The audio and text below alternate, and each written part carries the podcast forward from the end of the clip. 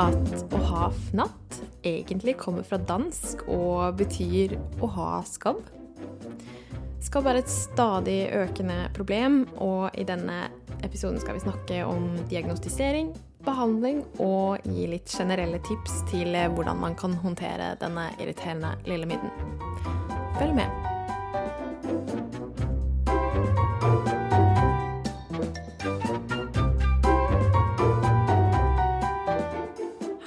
Og hjertelig velkommen til nok en episode av podkasten om huden din.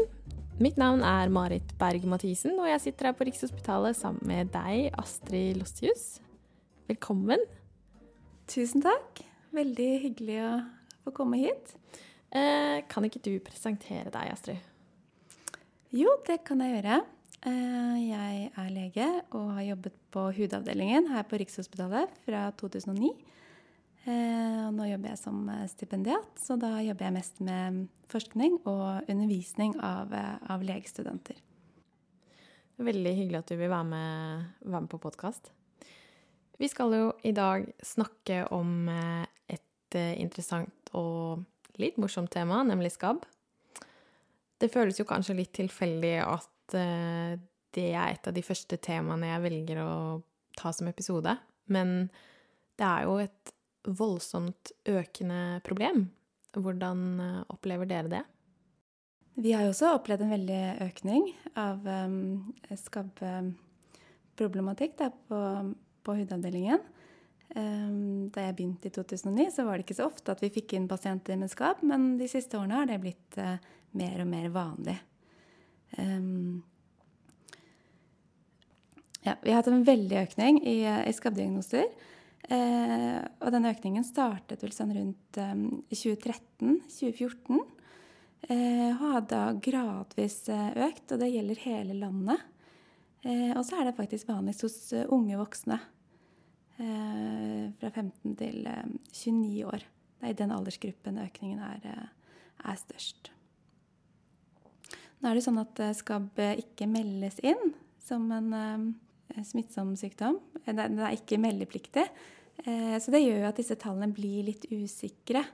Eh, men det man har sett på, da, det er jo den diagnosen som pasientene får på, på legekontoret. Eh, og det som også øker i takt med dette, er jo salget av skabbekrem på apoteket. Som har økt veldig i, i takt med dette her, da. Så det øker, og vi vet ikke helt, vi vet ikke helt hvorfor. Skabb er jo en midd hvilke, hvordan smitter den, og hvilke symptomer gir den egentlig? Ja, det er riktig at det er en midd. Den er jo veldig liten. 0,3 til 0,5 millimeter lang. Så man kan jo ikke se den sånn med det blotte øyet.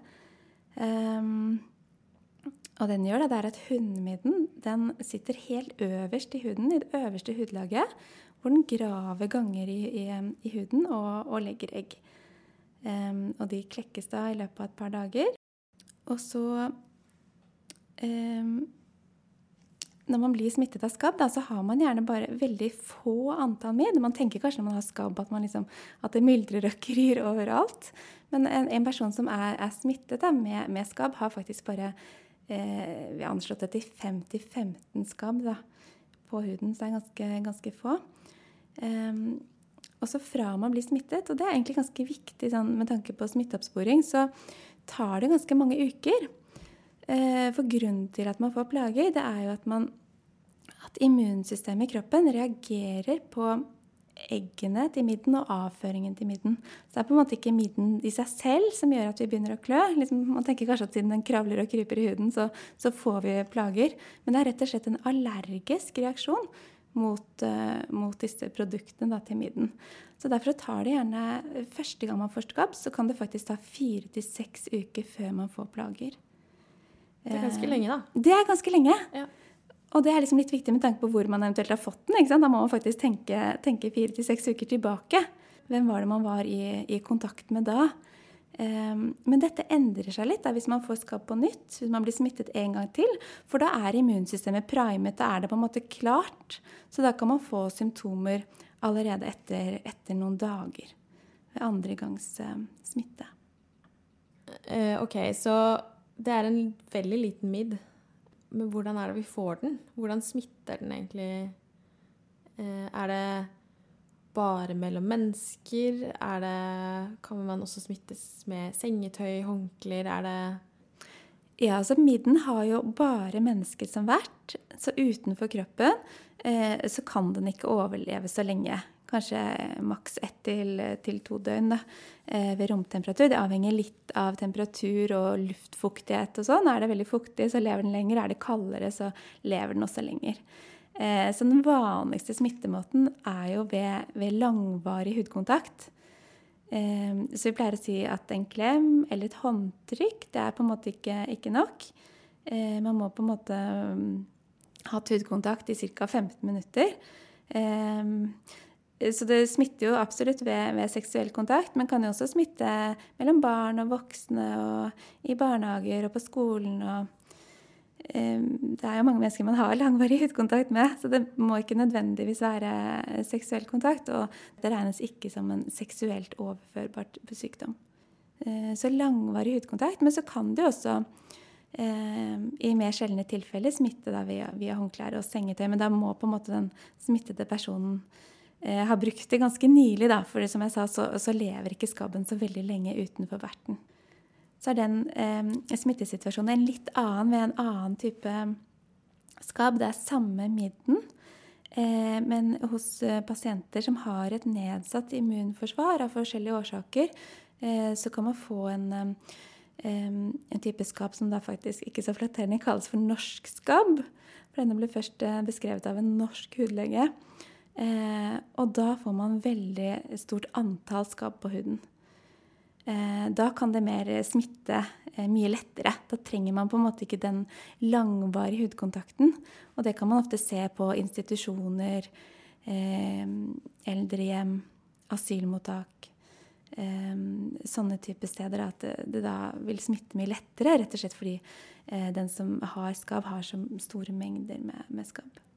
Den, den skabbformen, den, den, er ikke like vanlig som den vanlige skabben som vi tenker på.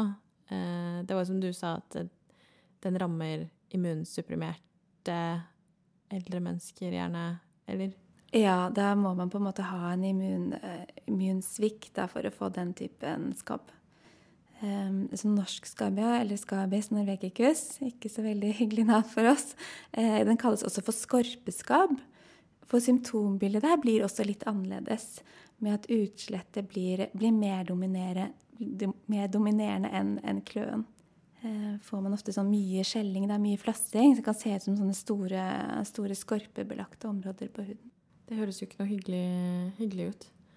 Um, ja, så det er hudkontakt, men uh, si man bor i et kollektiv, da, og én person i kollektivet har fått skabb det er jo ikke akkurat sånn at eh, folk pleier å sove i de samme sengene og sånt, men det smitter jo allikevel mellom folk i et kollektiv.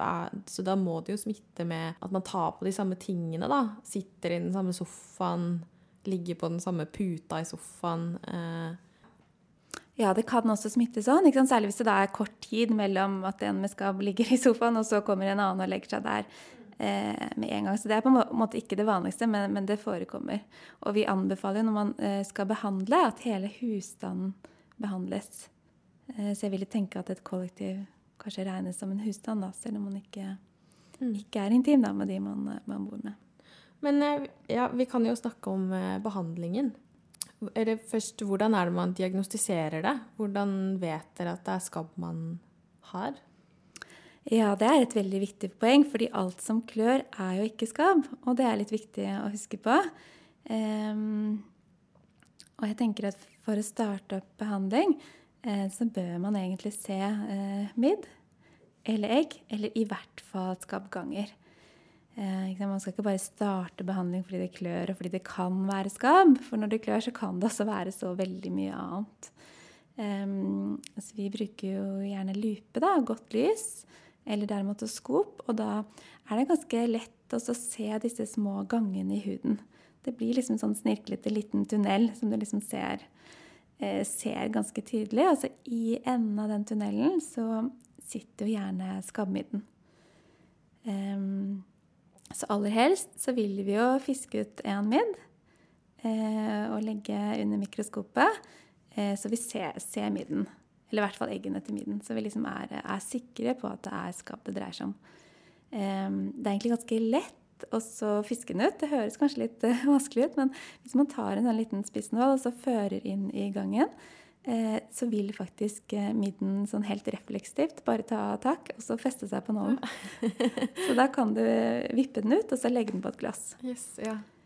Um, som behandlingsmessig, da, hvis man liksom ønsker at pasientene skal etterleve behandlingen akkurat som foreskrevet, så er det veldig nyttig at de også får sett i mikroskopet. For hvis du ser midden ligge der og sprelle, så tror jeg du strekker deg ganske langt da, for, å, for å, følge, følge behandlingen. Ja. Jeg tenker at Det viktigste er at man har en riktig diagnose. For jeg tror jo mange kanskje bare tar en skabbkur fordi de tenker kanskje jeg har skabb, eller jeg har hørt om noen i nærmiljøet som har skabb, så nå har jeg sikkert også det. og Eh, og det vil jo bare gi litt eh, trøbbel.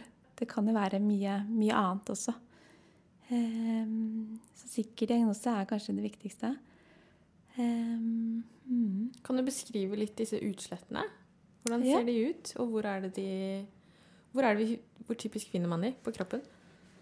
Eh, utslettet ved skap trenger ikke å være så voldsomt. Eh, ofte ganske beskjedent. Eh, men kløen er på en måte det, det, som plager de som har skabb aller mest. Veldig intens kløe, som gjerne forsterkes på nattestid. Når man legger seg og skal sove og slappe av, så begynner det liksom å klø veldig, veldig intenst.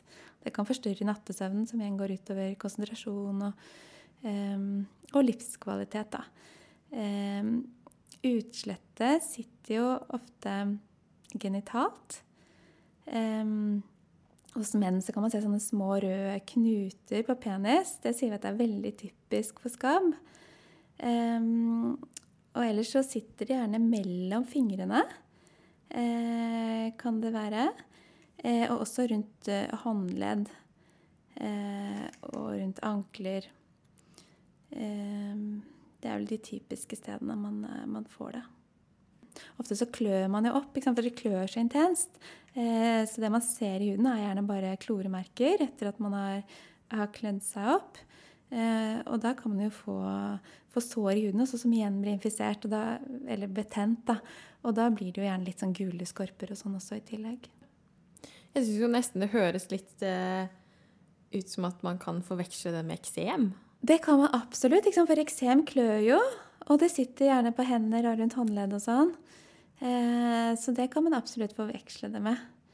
Og en annen ting er jo at eh, Hvis jeg snakker om skabb, så spør man ofte om flere i husstanden klør. Flere i familien klør. Og sånn kan det være med eksem også, for det går jo litt i arv. Så da kan jo flere i familien ha, ha eksem. Så, så, absolutt.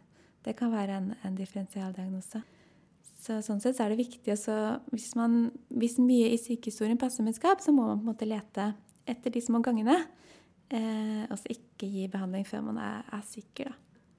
Og hvis du mistenker at du har det, så kan du, da kan du gå til fastlegen din.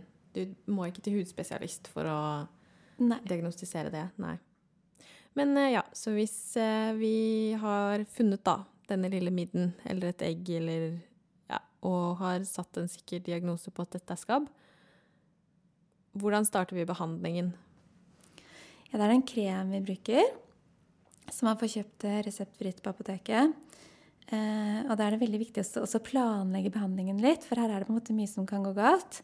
Eh, og det er jo ikke bare den personen som har skap, som eh, skal behandles, men hele husstanden, altså alle man bor sammen med. Og i tillegg eventuelle seksualkontakter. Eh, så det er litt viktig å få dette på plass. Ikke bestemme seg for hvem man skal eh, behandle. Uh, for hvis man da glemmer én som er sentral, så ser man ofte at man får, får resmitte. Eh, så må man jo få kjøpt inn eh, nok krem, da, som man har til alle. Eh, og så pleier man å smøre inn på kvelden. Gjerne at man tar en dusj og så klipper neglene korte. Og så skal man smøre inn hele, hele kroppen med denne kremen. Og så er det veldig viktig at den, den skal sitte på i tolv timer.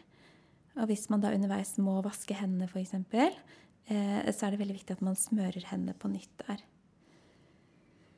Og så må man være veldig grundig med å smøre kremen i, i alle, alle, kriker og kroker. Ja.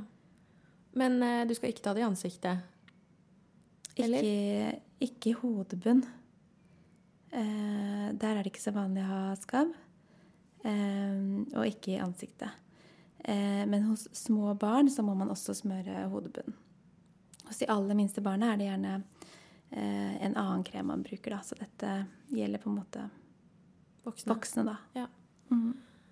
Uh, ja, og hvordan er det rundt uh, kjønnsorganer? Altså hvor uh, Jeg regner vel med at vi ikke skal ha det på slimhinner og Ikke på slimhinner, men på all hud så, så må det smøres godt. Og så la kremen sitte, og så når det har gått tolv timer, så kan man på en måte dusje det av. Og samtidig med at man gjør det, da, så må man jo bytte alt av sengetøy og klær og eh, bytte klær. Og da skal man helst vaske alt på 60 grader. Og det som ikke kan vaskes, eh, det kan man enten fryse eller sette det bort. Og setter man det bort i én uke i tette sekker, eh, så vil det på en måte ikke være noe midd igjen der. For midden trenger mennesket som vert. ikke sant? Så hvis man legger inn én uke, da, så har man lagt inn en ganske god, god margin. da. Hvordan er det med madrass og sånne type ting? Altså, holder det at man skifter eh, sengetøy? Det skal holde at man skifter sengetøy. Ja, Så du må ikke skippe hele senga ut eh, i bakgården, liksom? La den stå der en uke? Nei, Nei, det skal holde. det skal holde. Ja. Mm. Eh, skal man behandles Så du smører deg da inn én gang, lar det sitte på i tolv timer. Eh, skal du smøre deg igjen etter en uke, eller hvordan Ja, det anbefaler vi. At man gjentar hele den prosessen etter, etter en uke. Så det er ganske krevende. Ganske slitsomt. Um, men lurt å gjøre det ordentlig uh, den ene gangen. Uh, for da får man forhåpentligvis bukt med det. Det blir jo fort uh, en dyr behandling, da.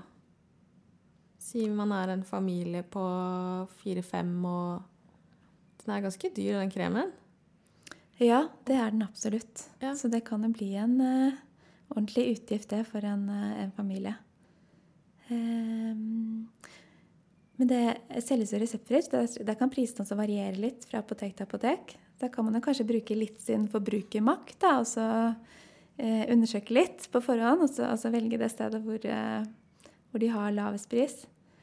Um, jeg har også lest at de noen ganger er utsolgt for denne kremen. Ehm, det tenker jeg skyldes kanskje litt at mange bare tar en sånn skabbkur for å, for å være, være sikker. Ehm, så, og siden den er såpass dyr, så er det kanskje ekstra viktig da, at man eh, passer på å gjøre det riktig. Så man slipper, eh, slipper mange runder. Ja. For det er jo ingen refusjonsordninger på den behandlingen. Eh, jeg skjønte sånn at den skabben begynner jo å bli litt vanskelig å få bukt med. Men tror du at skabben begynner å bli litt resistent mot behandlingen, eller er det mer at eh, folk er kanskje litt slurvete med smøring osv., så sånn at det blir At den kommer tilbake? Eh, ja, jeg tror vel kanskje stort sett at de fleste gjør så godt de kan, da, og, gjør nok dette nøye og, og riktig. Men det er klart at det er jo mye som kan gå feil her. At man vasker hendene, glemmer å smøre på nytt, eller eh, at man har små barn, kanskje man ikke får smurt ordentlig. Eller så har man kanskje mm, en som dukker opp i familien innimellom, da, som man ikke har tenkt på, som man ikke behandler.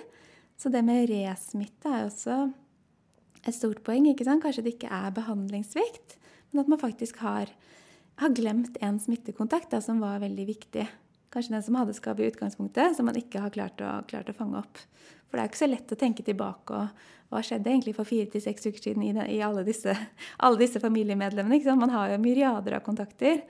Um, så resmitte er på en måte én ting. Ehm, at man gjør noe feil med behandlingen, er en annen ting. Eh, og en tredje ting ehm, Jo, det er jo det at eh, Som jeg snakket om, så er jo eh, plagene fra skabben er denne allergiske reaksjonen. ikke sant? At, at eh, immunsystemet trigges av avføringen og sånt i skabben. Og selv om vi på en måte behandler skabben og får den bort, så klarer vi ikke å bare skru av den allergiske reaksjonen sånn på, på et øyeblikk. Eh, så plagene fra en fra å ha hatt skabb, de sitter jo gjerne i hvert fall fire uker. Så kan jo pasientene fortsatt De merker ikke noe bedring etter at de har kjørt dette voldsomme opplegget med innsmøring med krem fra topp til tå, eh, ordnet med alt sengetøy og, og, styrt og vasket. Og, så er de like plaget. De klør fortsatt på natten og har det fortsatt helt forferdelig. Det er det vi kaller sånn etterskabbkløe. Huden fortsetter å klø, fordi den immunreaksjonen har vi liksom ikke fått roet ned. Så hos en del pasienter som kommer tilbake og sier at dette virket ikke, så, så finner vi ikke skabb på nytt. De har på en måte ikke skabb. Men, men uh, hudens immunsystem fortsetter liksom å, å, være aktivt en stund etterpå. Og det tenker jeg også er viktig også, å få ut informasjon om. At uh, du har gjort alt riktig, du er ferdigbehandlet. Det er ikke skabb. Uh, og så gir vi gjerne litt sånn kortisonkrem da, for å roe ned huden og så få det til å gå litt fortere. Ja, for hva, hva er hvis man har denne forferdelige kløen, er det noe som er kløedempende man kan smøre seg inn med, eller en f.eks. histamin, antihistaminer, vil det hjelpe mot den kløen, eller? Jeg tror kanskje jeg heller ville brukt en, en kortisonkrem og så smurt eh, der hvor det var utslett. At det er kanskje det, det som lindrer kløen best. Mm. Kanskje ikke ta varme dusjer og heller litt, litt mer kjølig ja, det hjelper også på å roe kløe, roe ned huden. Med litt lavere temperatur, gjerne litt lavere temperatur på soverommet. Gjerne bruke en fuktighetskrem hvis det klør mye også. Og kan godt oppbevare den i kjøleskap f.eks. Så vil det også kjennes litt sånn lindrende, lindrende på. Men dette gjelder jo på en måte etter at skabben har, eh, er borte. ikke sant? Ja. Mm. Det er jo ikke alle som helst skal smøre seg inn med disse kremene heller. Hva med folk som har sterk atopisk eksem.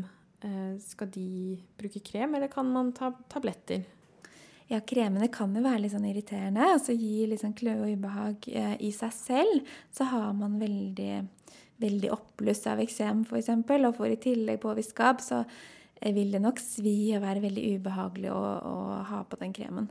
Eh, og det fins jo også tablettbehandling mot skabb, så vi på en måte bruker hvis eh, kremen ikke virker, eller hvis det er noen andre grunner til at man ikke kan bruke krem. Da. Eh, eller hvis man ikke får rett og slett has på, på skabben med, eh, med, krem. Så da vil det jo bli aktuelt å ta en tablett istedenfor. Mm. Eller tablettbehandling. Mm. Ja.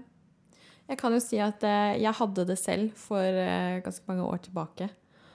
Og det var Den kløen var så grusom. Eh, at jeg fikk ikke sove om natten. Jeg klarte ikke å konsentrere meg på skolen. Eh, for den kløen var så tilstedeværende hele tiden. Det går veldig utover livskvaliteten, rett og slett. Eh, så jeg syns det er veldig viktig at vi, at vi tør å prate om det, og kanskje også det med å avstigmatisere det litt. For jeg husker jeg syns det var utrolig, det var utrolig flaut.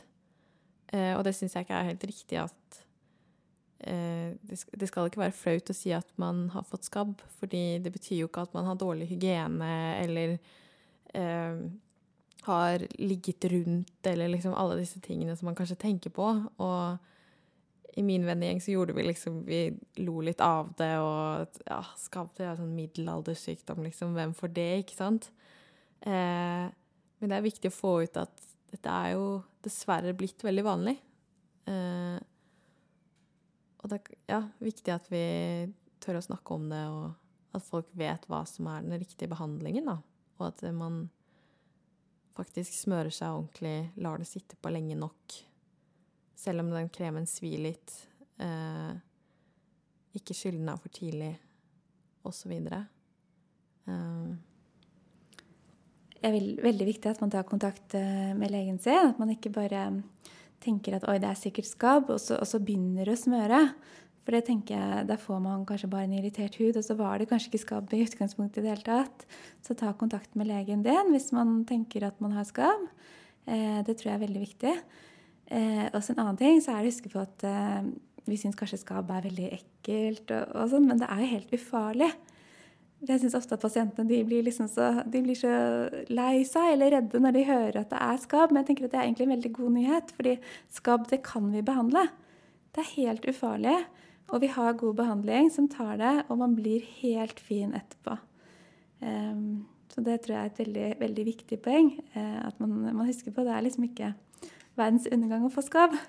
Nei. Eh, det er liksom en veldig egentlig en veldig snill diagnose hvor vi har god behandling. Eh, og vi som jobber med hudsykdommer, vi møter jo ofte sykdommer hvor vi ikke har en god behandling. Hvor det eneste vi kan gjøre, er på en måte å dempe plagen og, og lindre litt og prøve å, å roe ned kløen. Men her har vi faktisk en tilstand hvor vi har behandling som rett og slett uh, får bort skabben.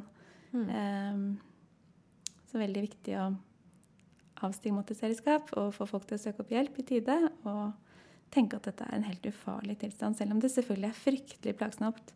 Og jeg leste også at um, et annet ord for skabb, det er fnatt. Ja.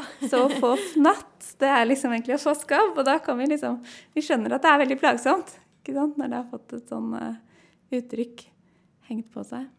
Ja, den er veldig fin. Uh, jeg har helt fnatt. Jeg, jeg, kjenner meg igjen i den fra jeg hadde det selv, at uh, du har lyst til å ta av deg huden og legge den i fryseren, og så bare åh.